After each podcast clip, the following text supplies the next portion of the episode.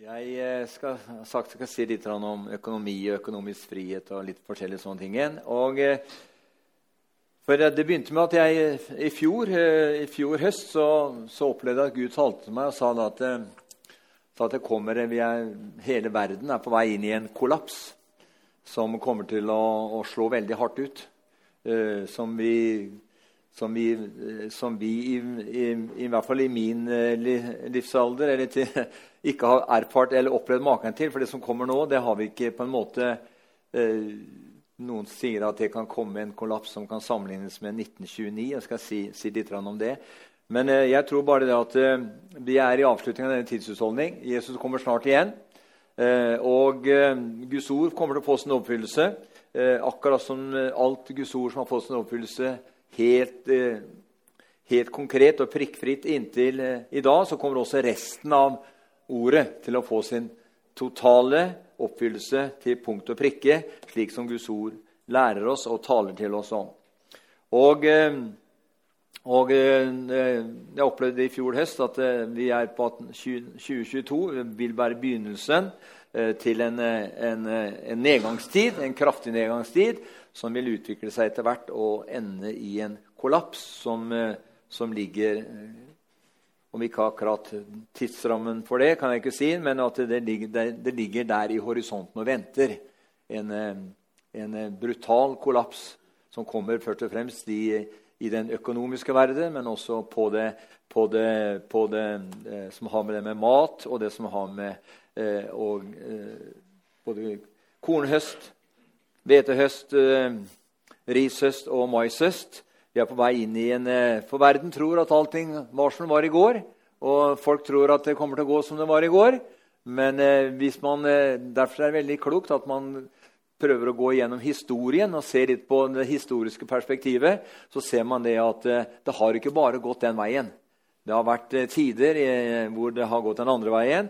Og så har det blitt, har blitt en oppreis, så har det blitt en fornyelse igjen. Og så, så går en tid igjen, og så glemmer man egentlig egentlig de, de, problemene som en gang var, og så higer man bare etter mer av uh, denne uh, skal si, Man da er mer opptatt med at vi skal inn i velstandstider, og, det, og på en måte så har Norge vært veldig, veldig sånn Rent økonomisk så har nasjonen Norge opplevd helt, helt siden den begynte med oljeboring i Nordsjøen osv., så, så har Norge opplevd en, en sterk oppgangstid. Eh, økonomisk. Eh, men vi vet at eh, mennesket lever ikke av mat alene, men av hvert ord som går ut fra Guds munn. Så det er jo Guds ord som setter dagsorden, og som vi må forholde oss til på alle plan og alle områder. Og eh, Norge var jo et fattig land. Eh, på 30-tallet var Norge et, vel, et, veldig fattig land. Selv om det lå enorme rikdommer ute i Nordsjøen, så var det at de, altså det var ikke kjent eh, på det tidspunktet. Når, men i dag er jo det kjent, og vi har sett at det har blitt en veldig, veldig velsignelse for Norge. På én måte har det blitt det, men på en annen måte så har det ikke blitt det. Men eh, jeg skal si litt sånn, før jeg går inn på det jeg tenkte jeg skulle, skulle si noe om her. Eh, jeg skal, skal, si litt om det at eh, Et spørsmål vi bør stille oss i dag, det er nemlig det at eh, er bankinstitusjoner vanlige folks største fiende? har jeg satt et spørsmålstegn ved her. For Vi har så lett for å skylde på at det er det og det og det, men skal, jeg skal dra litt historikk på dette her med bankvesenet, og hvordan bankvesenets eh, opphav er, og, hva, eh, og, hvordan situasjonen i, i, verdensøkonomien er per i dag. Sånn, eh, per dag. Og Vi vet at eh, det var en kar som het Thomas Jefferson. Han, bodde, han, var amerikaner, og han levde fra 1743 til 1826. Og eh, i 1802, altså for 220 år siden, så kom han eh, med en kraftig advarsel. Og han beskriver egentlig nøyaktig det som har funnet sted siden den amerikanske sentralbanken ble opprettet i 1913.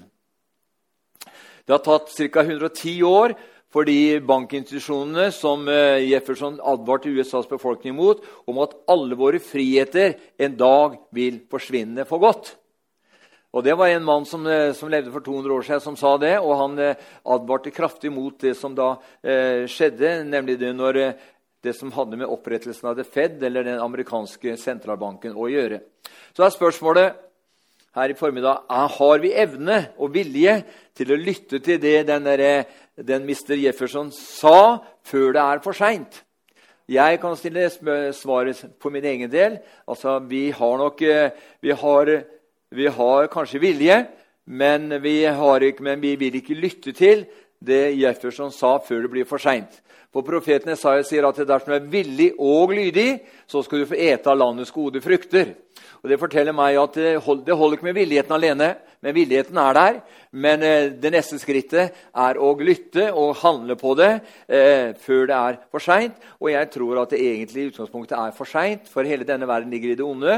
Og, eh, og, og, og denne verdens fyrste han har eh, sine planer, og Guds ord eh, har sin, eh, har sin, oppskrift på hva som vil skje før Jesus kommer igjen, og hva som vil skje før opprettelsen av riket. Og Derfor er det det profetiske ordet. Det er ikke noe vi kan sånn som jeg ser det, altså det er ikke noe vi kan be og hindre. For hvis vi kan be om at Gud skal stoppe alt, alle ting, så kan vi jo be Gud om at Antikrist ikke må, ikke må komme. da. Men han kommer til å komme likevel, uansett hvor mye vi roper til Gud osv. For vi kan aldri be imot det profetiske ordet. For det, desto fastere har vi det profetiske ordet, som vi gjør vel i å akte på, sier Peter. Og Det er nemlig det profetiske ordet som kommer til å få sin fullkomne oppfyllelse i den tid som ligger framfor oss. og Derfor er det unødvendig å bruke tid og krefter på å slåss mot de, eh, de, profetiske signalene som Gud har gitt oss i sitt ord, fordi at de vil komme uansett hvor mye du og jeg kjemper og strider i, eh, verken på den ene på den ene eller andre måten. Men så er det sånn at det er nemlig vanskelig å sette datoen kan si, for en økonomisk kollaps, fordi kollapser er noe som skjer plutselig. Det er noe som skjer plutselig, mens derimot i økonomisk sammenheng så er det noe som skjer over tid. Dvs. Si gradvis, og kom, ofte kommer det i litt rykk og napp. Eksempelvis så tok det fire år før børskrasjet på Wall Street den 29. oktober 1929, som førte til en reduksjon av 90% av samtlige børsverdier på Wall Street. Og eh, Det var en, en, en, eh, det er en økonom som, ved navn Dog Casey som sier det, at, eh, som sier det slik kollapser skjer, skjer først gradvis, og så plutselig. Det var ikke så at det skjedde Det var et oppløp til den eh, katastrofen eh, 29.10.1929. Det begynte faktisk fire år i forveien. I 1925 så begynte den på en måte en ulming som førte til at ca. 30% av, eh, eh, av børsene eh, gikk ned. Men så, den, men så kom man til den datoen 29.10. I 1929 så falt det 90% på én dag. Og da er det, da er det, da er det 9 av 10 kroner som er borte. altså. Så, eh, så Hvorfor sier jeg det her? Jo, for jeg vil si, jeg vil si litt om eh, opprettelsen av, av banksystemene. Uh, som jeg sa, til, Men når, når, kommer nå den, da den neste, den neste, store kollapsen? Og det, det, er vanskelig å sette noe dato på det. det vet ikke jeg heller. Men sannheten er at den kommende økonomiske og finansielle kollapsen vi er vitne til i dag, den starta egentlig i 2007 og 2008. Jeg husker Vi hadde et møte her, og, og, og jeg fikk en hilsen fra Herren om at, at for det var liksom på, begynnelsen på 2008 så var det liksom kraftig nedgang eh, på stort sett alle verdens børser. Og så kom man egentlig til mai-juni, så fikk man et oppsving. Og da begynte alle folk, da begynte investorene å investere og tenkte at nå, nå går dette her veldig bra. Men så fikk vi på høsten 2008 så fikk vi en eller, eller på 2000, ja, så fikk vi en, en, kraftig nedgang igjen.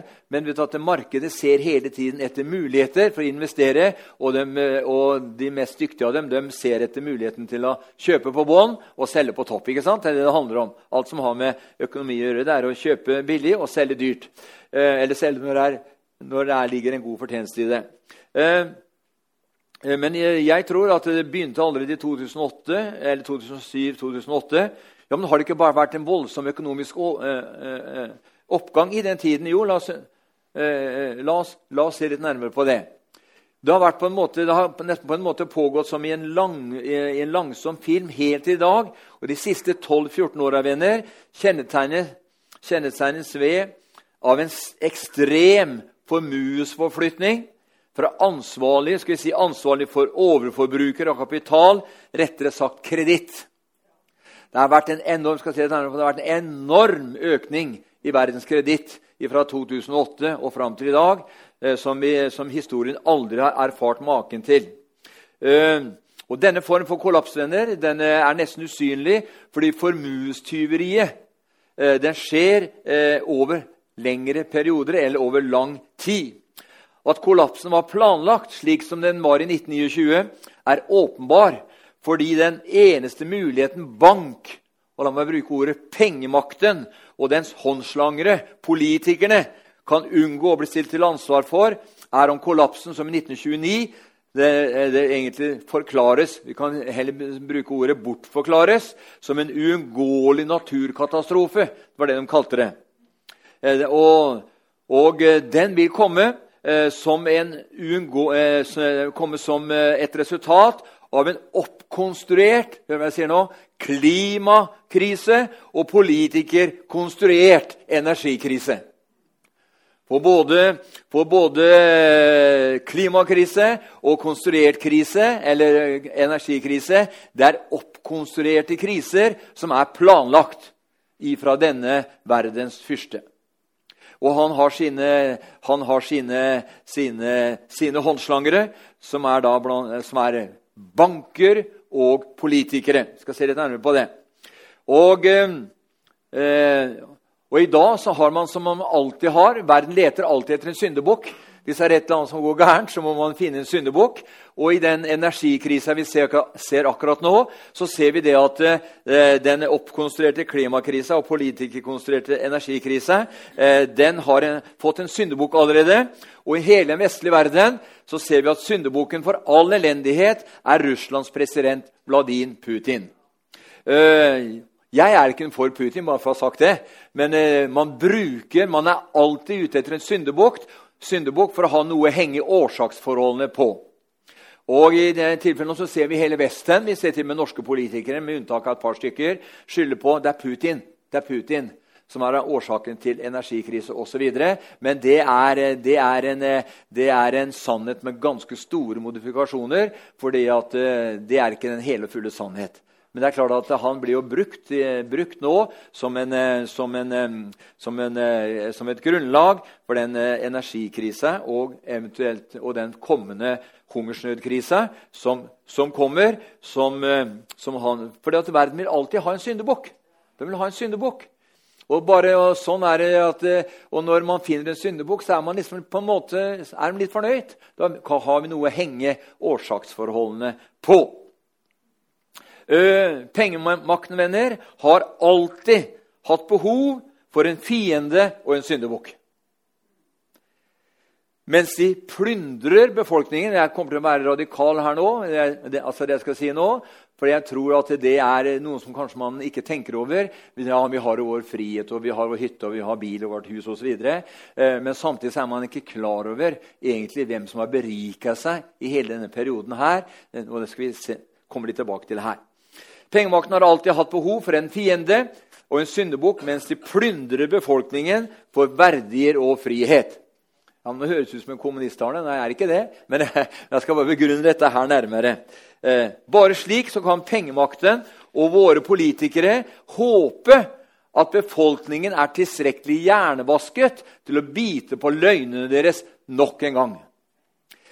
Baron von Rothschild sa følgende i 1815.: jeg bryr meg ikke om hvilken marionett som er plassert på Englands trone for å styre imperiet hvor solen aldri går ned. Mannen som kontrollerer den britiske pengemengden, kontrollerer det britiske imperiet. Og jeg, sa baron von Rothschild, eh, jeg kontrollerer den britiske pengemengden. Og det, sant, det, er sant, skjønner du. Dette er et sitat da, fra hva han sa der i, i 1815. Og han sier at den som, den som kontrollerer pengemengden, kontrollerer landets situasjon. Det er ikke demokrati og politikerne som gjør det, men politikerne er håndslagere. Håndslangere, eller hånds, ja, håndslangere i, i pengemaktenes hender. La oss se på opprettelsen av den eh, amerikanske sentral, sentralbanken, det, det, Fed, som det kalles, som egentlig var starten på ufrihet og diktatur. Dvs. Si sentralbankens start og, og etablering. Uh, en som skriver følgende det her er tatt ut. En kald novemberdag i 1910 så snek seks av de mest innflytelsesrike personer fra Wall Streets mest prestisjetunge banker seg om bord i senator Aldrichs private togvogn på Grand Central Station. Aldrich var styreleder i National Monetary Commission, forretningspartner med JP Morgan og svigerfar til John D. Rockefeller jr. Med ham på toget var eierne, representantene for de største bankene i USA, og Europa Morgan, Warburg, Rockefeller, Rothschild. I all hemmelighet og med dekknavn dro de til Jekyll Island i Georgia, hvor de planla etableringen av den amerikanske sentralbanken, oversatt eller for, forenkla det Federal Reserve, eh, som man sier Fed. The Fed. FED. Målet deres var å etablere monopol det var å etablere monopol på utstedelsen av penger, dvs. Si valuta, gjennom et Fiat-pengesystem. Og hva betyr et Fiat-pengesystem? Jo, et Fiat-pengesystem Jeg slo på det i går kveld på, eh, på, på Wikipedia. og Der står det et, et eh, Fiat-penger er ifølge Wikipedia penger uten en iboende verdi. Det er penger, mynter og sedler som er erklært for å være penger, men der ustederen ikke har dekning for pengemengden.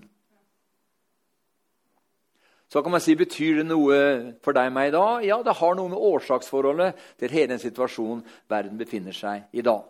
Målet, eh, ja, eh, Resultatet 110 år seinere, nemlig i år 2020 eh, altså resultatet 10, 110 år seinere, så ble 90% av verdens verdier er i dag, venner, i 2020, er eiet, kontrollert av en liten promille superrike banker og privatpersoner i verden.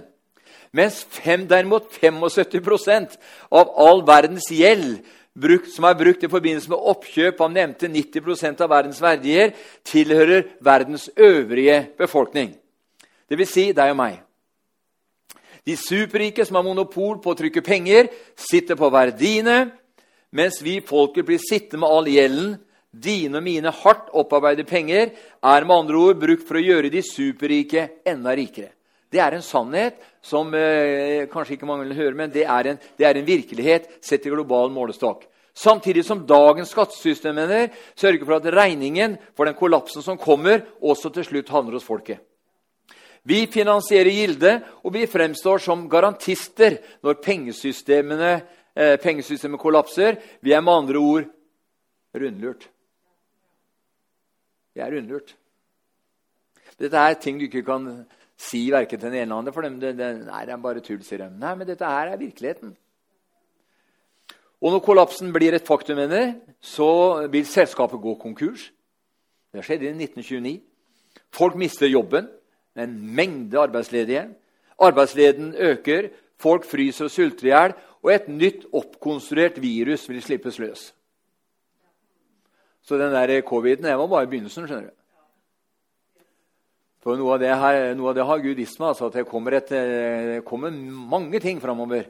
Og vi kommer til å få se en del av det før Jesus kommer igjen. Og det verste, verste resultatet av hele dette her kommer til å skje etter at du og jeg har reist hjem til himmelen, så sant vi er frelst og født på ny. Eh, et nytt oppkonstruert virus vil slippes løs. Og pengemaktens håndslangere, nemlig våre folkevalgte, vil redde pengemakten igjen. Den vil redde pengemakten med dine og mine hardt opptjente skattepenger og fortelle oss at vi må stå sammen i vanskelige tider. Du kjenner ordet der? Vi må stå sammen i vanskelige tider. vet du. Ikke sant? Og så, blir man på en måte, så finner man ut at ja, det må vi selvfølgelig gjøre, fordi man ikke forstår de bakenforliggende kreftene, hva som er årsaksforholdet til det som skaper denne, de problemene som ligger der og venter på oss, og som allerede har begynt å utarte seg.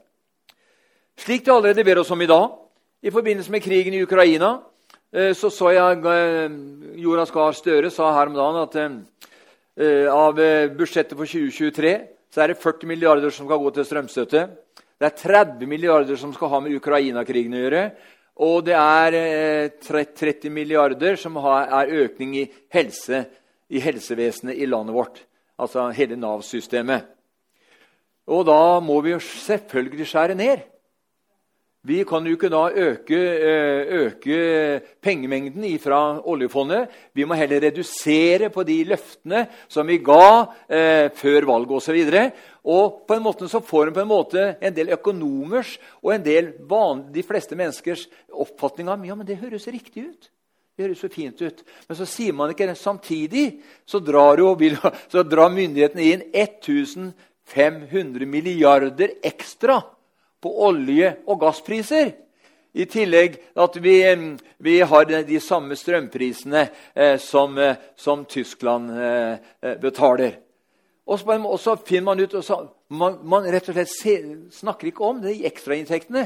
Det er klart at Hvis jeg, hvis jeg har, får, får en regning på 20 000 kroner, og så ser jeg på konto nummer én Vi har, vi har som regel flere enn én konto. Vi har gjerne en lønnskonto og så har vi gjerne en konto eller to eller tre til. Så sier han ja, men her står det bare 14 000. Ja, men han sier jeg kan ikke betale. Jeg kan ikke betale. Jeg har bare 14 000, og regninga på 20 Men så er det at jeg har en konto, jeg har en sparekonto. Der står det 140 000. Bare for å ta et eksempel. Da Da får jeg heller ta fra den da, og betale uten å liksom fortelle eh, med, med mottakerne at nei, vi, har, vi har ikke råd. Det er ikke penger på budsjettet. Nei, men Hvis man har flere, flere kontoer som, eh, som, som, som, inneholder eh, Som er i stand til å løse ja, flere, flere, flere kontoer som gjør at man til enhver tid kan oppfylle ethvert budsjett, så vil det jo være helt naturlig at man da tok noen penger fra den sparekontoen og førte inn på lønnskontoen, altså fikk betalt den regninga på 20 000. Men sånn opptrer ikke pengemakten og våre politikere.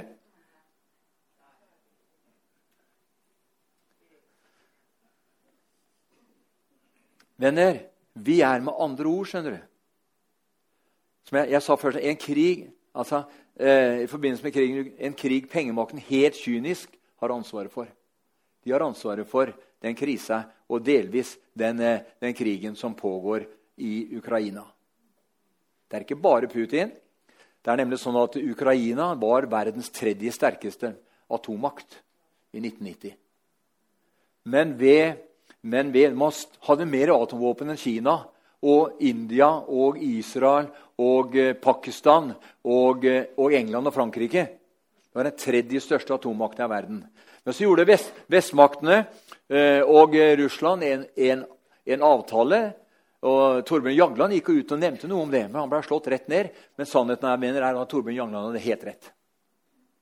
Da gjorde man en avtale at Ukraina skulle trekke ut samtlige våpen, atomvåpen og føre dem over til Russland, mot at vestmaktene og Russland i fellesskap skulle garantere for at det aldri skulle være noen Nato-tilnærming for Ukraina. Det er sannheten, men den er ingen som husker i dag. Eller vil ikke huske, da. Så, så er det sånn venner, at eh, eh, pengemakten er helt kynisk, og den, nemlig, og den har, er hovedansvaret slik som jeg ser det, for den situasjonen vi befinner oss i da. For nettopp å ha en syndebukk som de kan peke på når kollapsen inntreffer. For den kommer, skjønner du. Jeg kan, nesten, jeg kan profetere for det her i kveld og si at det kommer en kollaps som vi aldri har erfart og opplevd maken til. Ja, Men hva med meg, da? Nei, Du kan være trygg, du. Det var mørke i hele Egypten, men det var lys i Gosen. Halleluja. Og Gud har aldri latt sine bli eh Eh, ja, men da faller ikke Herrens regn like mye over en urettferdig som den rettferdiges åker. Jo, det gjør han på en måte, men Herren har aldri latt sine gå i stikken. Nei, Han har alltid sørget for den som holder seg til ham, har Gud som beskytter og redningsmann. Amen. Så vi må tro vi er på vei inn i en tid av masse kriser, men samtidig er du og jeg på vei inn i en dimensjon og en tid av overnaturlige inngripelser fra den himmelske verden. Amen. Halleluja. Det tror jeg på av hele mitt hjerte. Og jeg eh, Ja. Venner, vi er med andre ord styrt av en liten promille. Jeg vet ikke om jeg skal bruke navnet, men eh, narsistiske sosiopater og psykopater best ex, eh, men kan si, med et fellesnavn fascistene. Eller fascisten Mr. Global himself, Club Squab, i World Economic Forum. Der sitter det en gruppe som sitter og har veldig stor kontroll på saker og ting. som vil ta oss. Han sa da at om ingen eide noe i denne verden, sa han, men bare at de hadde mat, klær, et sted å bo, og noe å kjøre med, og jobb å gå til, så her vel, burde jo alle være lykkelige. Implisitt så sier han det bare vi har kontrollen på eiendomsretten til saker og ting. Så kan folket ha en viss form for frihet. Og når folk har sin hytte, og bil og hus og, eh, og hjem som fungerer, så er man så herlig, så syns folk det er så fint. Ja, men det er jo fint, det. Men samtidig så er det, det, er, så er det en bakomforliggende kraft som ligger der og har den store og hele kontrollen og styringa, som kommer til å slippes løs i all sin forbannelse og negativitet den dagen Antikrist står fram på arenaen.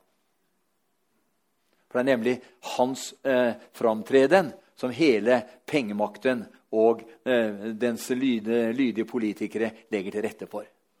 For nemlig den, denne verdens fyrste har forblindet i vantro sinn, som ikke ser lyset ifra Guds herlighet. Eller fra Kristi herlighet. Så, så det World Economic Forum mener den vil ta fra oss den siste rest av våre eiendeler og vår verdighet, slik at vi kan bli lykkelige slaver i den dysopitiske, eller i det, i det diktaturet Mr. Global har det så travelt med å gjennomføre. Så det er veldig viktig at vi eh, fester blikket litt. Eh, jeg skal si litt etterpå at eh, Han sier til profeten Jeremia, 'Hva ser du?' Og du skjønner, Det er veldig viktig at vi har borede ører, så vi kan høre hva Ånden har å si. Og så har vi salvede øyne, indre øyne, så vi kan se noe av det som ligger framfor oss. Men, ikke, men, men samtidig ligger det veldig mye herlig framfor deg og meg. da. Amen. Men nå snakker vi om liksom hele Vi snakker om, eh, snakker om eh, snakker om årsaksforholdene til, eh, til, eh, til, den økonomiske situasjonen som verden befinner seg i i dag. Eh, det er viktig venner, å forstå hvem folkets og frihetens egentlige fiender er. Og det kan oppsummeres i tre ord sentralbanken og sentralmakten. Ja, men vi trenger vel en sentralbank? Er nå, nå er det helt på jordarne. Ja, ut ifra det systemet vi har i dag, så er det, er det kanskje fornuftig med en sentralbank og, eh, og, og, en sentral makt. Men det burde ikke være, det er ikke den beste løsningen. Altså, Den jødiske tankegangen er sånn at eh, de hadde en, den, eh, hvert 50. år så var det et jubelår. Og hva bygde det på? Jo, det bygde på følgende at hvis jeg måtte selge i år 30, kan du si, så var det 20 år til, 20 eh, år til, til altså jubelåret kom, og jeg kom i så stor skvis at jeg måtte selge gården min for å få dekka gjelda mi, og var da en leietager i kanskje, og fram til jubelåret kom 20 år seinere, så måtte han som kjøpte den eiendommen av meg for at jeg var i krise for 20 år siden, gi den tilbake til meg. Så de dyktigste økonomene nå i verden i dag, noen av dem som har gått gjennom hele det jødiske systemet med jubelår hvert 50 år, har funnet ut følgende Det er den beste verdensordning når det gjelder det som har med penger og økonomi å gjøre. Vet, du hvorfor det? For det var Gud som ga den regelen der. Det var Gud som kom med, kom med, det, kom med den løsningen der om jubelår hvert 50. år. Nok om det. Så det er viktig å forstå, venner, at uh, som jeg sa, at folkets og friheten, frihetens egne fiender som kan oppsummeres i det er sentralbanken og sentralmakten. Begge to hør nå, eiet, kjøpt og betalt av det private bankkartellet, hovedsakelig representert ved det Fed og alle sentralbankers sentralbank, nemlig eh, BIS, altså The Bank of International Settlements, som befinner seg i Sveits. Og det er kreftene bak disse organisasjonene venner, som bestemmer over oss, og som ønsker å fullføre siste kapittel om full økonomisk og samfunnsmessig kontroll gjennom diktatorisk makt over, men over menneskeheten igjennom Antikrist som kommer. Det jeg snakker om her i kveld, har, har ikke vært noen som, vet, noen som har prekt om. Men eh, vi, er, vi, eh, vi, har navnet Norge for Kristus. Vi skal være med og påvirke hele nasjonen vår, slik at Norge kan bli frelst og lære sannheten å kjenne. For det kommer en tid sier han, som kaller oss som utvelger, da jeg skal ta mine nærmeste, de som ligger nært mitt hjerte, som elsker meg og som lengter etter min åpenbarelse. Jeg vil fylle dem med den samme kraft, med den samme styrke, med den samme visdom, med den samme kunnskap, med den samme innsikt som jeg hadde når jeg gikk omkring på jorden her nede, sier han som kaller oss som utvelger. Og jeg vil bruke dem mektig i den tid som ligger framfor dere, sier Herren sånn. For jeg har planer for denne nasjonen som overgår all menneskelig forstand forstand. Ja, jeg vil gjøre langt mer i denne nasjonen enn det som menneskene er i stand til å tenke ut, og hva som SSB er i stand til å planlegge for tiden som ligger framfor dere, sier han som kaller oss som utvelger. For denne verdens prinsipper og denne, må, og denne verdens måter å utregne og studere framtiden på, den er uten at man har tatt med meg på rådgivning, sier han som kaller oss som utvelger. Men mitt folk vil velge å ta meg med på beslutninger som skal skje i dager som kommer, sier han som kaller oss som utvelger, slik at mitt folk kan gå seirende ut av den dimensjonen som denne verden eh, vil møte i dager som kommer, sier han som troner i det høye i all evighet. Amen. Halleluja. Oi. Jeg, får, jeg, har, ikke, jeg har, bare tatt, begynt litt sånn innledning her. ute. Amen. Men, er, men jeg syns det er interessant.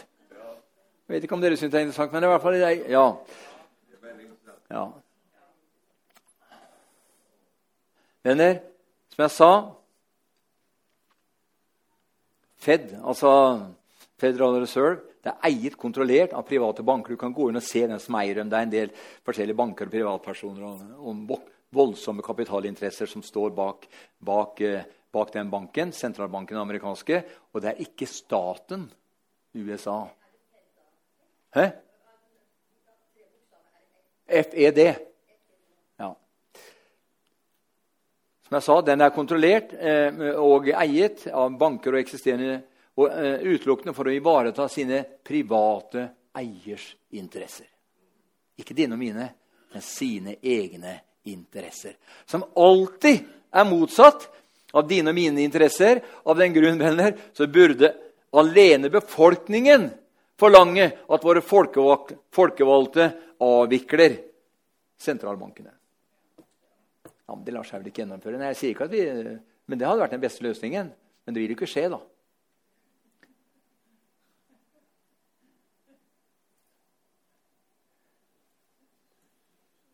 Jeg skriver her sentralbanken er kun et instrument for utøvelse av politisk makt og økonomisk plyndring av befolkningen.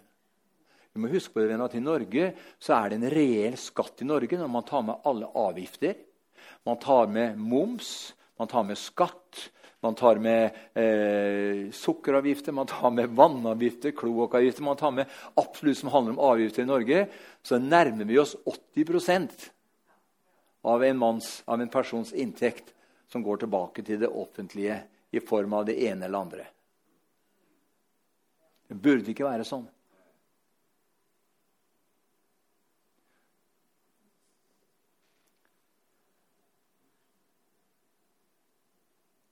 Så kan du si det sånn egentlig, sett i sånt eh, aktorats eh, eh, tolkning For at folk skal få tilbake eh, total frihet og ekte folkestyrevenner, så er vi på en måte nødt til å arrestere politikerne og økonomer når de forsøker å overbevise oss om at det er de som eier og styrer sentralbankene, har våre interesser i sin virksomhet.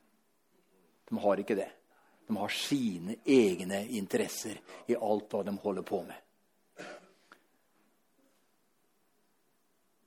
Og de begrunner det eh, og begrunner det med at de har overnaturlige evner som gjør det mulig for dem å styre økonomien i et samfunn i en spesiell ønsket retning og til enhver tid. Historien mener, viser oss at det stikk motsatte er tilfellet.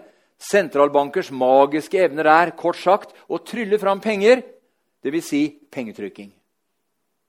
Pengetrykking.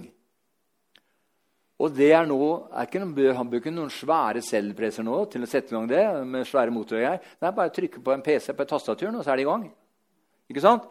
Eh, og, og, for å berike seg selv på din og min bekostning ved å sende regning for Vi får kalle det falskmynterne. Det er falskmynteri. Det er straffbart å drive med falskmynteri og produsere penger som ikke er reelle. Er, i, I det naturlige er det straffbart. Eh, det er egentlig det er stor straff for det. Men det holder jo på sentralmakten og sentralbankene på med. Skal, se, skal, skal bevise det her, at det, er, at det, at at det slik er. Og hvordan får de da dekket opp alt dette her? Jo, den skjulte beskatningen skjer gjennom eller på bekostning av oss ved å sende regningen for hele falskmynteriet til folket gjennom skatter, avgifter og inflasjon. Skatter, avgifter og inflasjon. Den skjulte beskatningen ender på din og min inntekt, og dermed vil være med, er med å ødelegge din og min velferd, kanskje viktigst av alt når sentralbanken og det private bankvesenet som et siste stund med våre folkevalgte på slep for å, for å forsøke, forsøker å ta oss fra den siste rest av frihet gjennom en sentralstyrt pengeenhet, Central Bank Digital Currency, må vi våkne opp og lytte til. Hvem skal vi lytte til? lytte til Thomas Jeffersons advarsel som jeg begynte med for 220 år siden. Vi må vise evne og vilje til å stoppe Mr. Global, globaliseringen. skjønner du. Hele verden snakker om global. Du kan se på Canadas statsminister. Du kan se på New Zealands eh, eh, statsminister, hun dama der som vil ha lovlig abort helt til fødselsdagen. Og du kan se på Hollands statsminister eh, og, se og, og se på en del andre sånne sånne, sånne lakeier for, for, for Satan. Hvordan de er villige til å, til å redusere matproduksjonen i verden. Og de, redu, og de vil gjerne redusere som, eh, kornproduksjon også. For det forurenser jo. Det er jo CO2-utslipp. Ikke sant? Det vil være med at de bryr seg ikke om 200 millioner mennesker dør av sult. skjønner du? Nei, bare den grønne, nye avguden vår. Guden global. Den begynte den eh, blant de første menneskene. De sa la oss bygge et tårn som går like opp til himmelen. sa de. Og de begynte med Babels tårn. Så titta Gud ned på dem og sa hva er de holder på med. Sånn? Hva er de holder på med? Så De skal bygge, de ville, de ville, de ville være guder. vet du. De ville bygge et tårn like opp til himmelen, sa de. Nei, det, det vil jeg ikke ha sa Herren. Så bare gjorde han litt sånn, og så kasta han dem rundt, rundt, i hele verden og plasserte noen i Sør-Amerika, noen i Australia, noen her og noen der. Og så der, Med nye språk. De, han endra språket, så ingen forsto hverandre. Det var det første mennesket begynte å gjøre, inspirert av djevelen, for å bygge et globalistisk samfunn. Hvor, da, hvor, man kunne, eh, hvor, man kunne, få en menneskelig enhet. For det er nemlig sånn at når en, en enhet For han sa nå har den blitt ett. Og når et folk blir ett på den måten, så er det ingen grense for hva de kan utrette. Og så satte Gud grenser mellom folkeslagene, og de skulle bo innenfor bestemte områder for at de der skulle lære Gud å kjenne. Så den situasjonen vi har i dag, hvor at, hvor at vi skal blande alle folkeslagene, er ubibelsk. Oi, er du blitt eh, rasist, Arne? Nei. Men Stefan sa noe til meg i går kveld. Se på det, se på det, se på de tolvstammefolket til Israel når de kom inn i løfteslandet. Og Det var et, et veldig godt bilde på det jeg sier nå. Så fikk de tolv områder eh, på, eh, i Israel på den tiden hvor de enkelte stammene skulle bosette seg. Det vil si at Både Juda og Benjamin stamme skulle ikke bo i samme område. De skulle bo hver for seg. Og Bare det er jo et kolossalt eh, sterkt tegn på at Gud ønsker egentlig i utgangspunktet at alle folkeslag skal bo innenfor bestemte områder og grenser, for der å lære Gud å kjenne, står det. Men det fungerer ikke lenger i dag. Nei, det fungerer ikke lenger i dag. Men det kommer til å fungere når Herren kommer på oljebæret for å gjenopprette riket. Da kommer de tusenårsriket, så kommer de bestemte folkeslagene til å bo der hvor Herren har bestemt de skal bo. Og der utvikler det seg å lære Gud å kjenne, og en gang om året sende representanter til løvehyttefesten i Jerusalem for at det skal bli fruktbart land i den dømses område året derpå. Og hvis vi er så håndmodige og ikke sender noen representant til Løvehyttefesten det så vil ikke få, vil de få dårlig avling året derpå. Og Da, vil, da kommer det ordet til å gå i oppfyllelse at da skal Messias styre eller hele verden med jernstav eller med disiplin. Og det vil si at hvis du ikke får mat på bordet, ja, da bøyer du deg. Sånn vil, sånn vil det bli. Men eh, nok om det. Så har vi ikke snakka om økonomi. da, Arne. Jo, jeg holder på med det her. Kanskje venner, så burde norske politikere, med statsministeren i spissen, sørge for at den norske befolkning prioriteres først, og til en strømpris som ikke er dobbelt så høy som den europeerne betaler for eksportert norsk strøm. Altså, Det er jo helt, det er helt innlysende i dagen. Men denne verdens fyrste skjønner du, puff, puff, puff, han, han plafrer han, han, han, han, er veldig dyktig til å snakke. skjønner du. Han er løgnens fyrste, og han hvisker øret på dem. Og så så tror de løgnen. vet du. Og så velger de å etterfølge den. Ja, men Kan vi gjøre noe med det? da? Jeg sier ikke at du og jeg kan gjøre noe med det nå, men jeg bare gjør litt rede for bakgrunnen til den situasjonen som vi befinner oss i nå i 2022. Så det vil ikke skje altså, For grunnen til dette den ligger implisitt i advarselen som ble gitt av han Thomas Jefferson for mer enn 200 år siden om at vi har latt private banker kontrollere utstedelsen av valutaene, nemlig Fiat pengesystem, som betyr at man trykker mer penger enn man har reelle verdier for.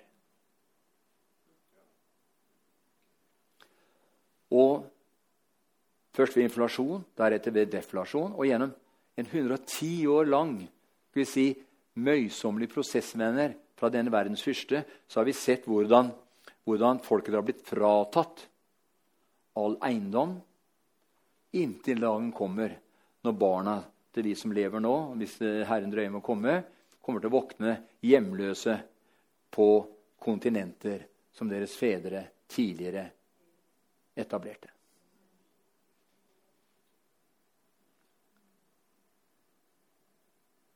Men det var en, en kjent mann som heter David Holmes. Han uttalte og sa følgende.: Frihet går aldri tapt ved et blunk.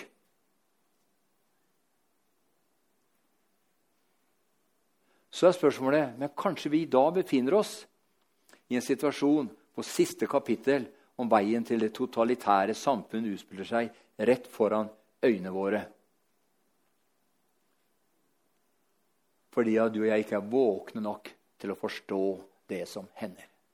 For mennesket er jo engang sånn at du har mat på bordet, har du en seng å sove i, har du et hus å bo i, har du inntekt så du klarer deg, så er folk fornøyd. Men pengemakten og eh, sentralbankene er ikke fornøyd. De vil ha total kontroll på verdens økonomi på alle plan og på alle områder. Jeg, ikke, jeg, jeg, har mye mer, men jeg skal ikke bruke så mye mer på det. Men hvis man bare ta noe som jeg skrev opp her, som jeg skal lese her nå. Hele det europeiske bankvesenet har vært teknisk konkurs siden finanskrisen i 2008. Det er holdt i live gjennom kunstig åndedrett av en pengetrykkende respirator, den europeiske sentralbanken ECB, og, etableringen av det såkalte Target 2-systemet. Target 2-systemet er ikke noe annet enn en oppgjørssentral for nytrykte penger osv. Jeg lurer på mange, Hvordan kan man jo Man spytter inn 40 milliarder euro inn i Italia. Man spytter inn 200 milliarder inn, inn der og 50 milliarder inn der, euro osv. Hvor, får man, har EU så mye penger? Nei, det er pengetrykkpressa som går. Og Det samme skjer i Amerika. Det er, pengetrykk, er pengetrykkinga. Og på den måten så opprettholder de på en måte en viss eh, eh, going i de forskjellige områdene som gjør at det ser ut som det ordner seg. liksom. Eh,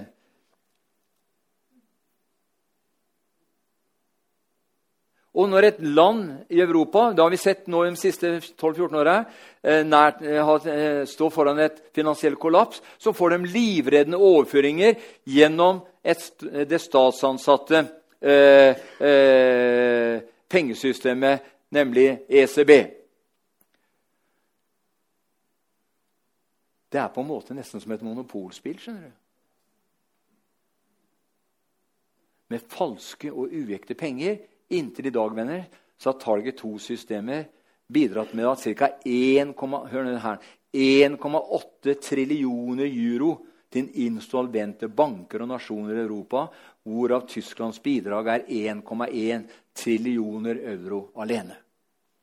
Enkelt sagt kan vi si at overføringer Det er tatt ut ifra, uh, ifra, ifra uh, nettet. Enkelt sagt kan vi si at overføringer fra tyske Bundesbank finansierer BMW, Mercedes og tysk eksportindustri ved å selge sine biler og produkter på kreditt til et bankerått Europa.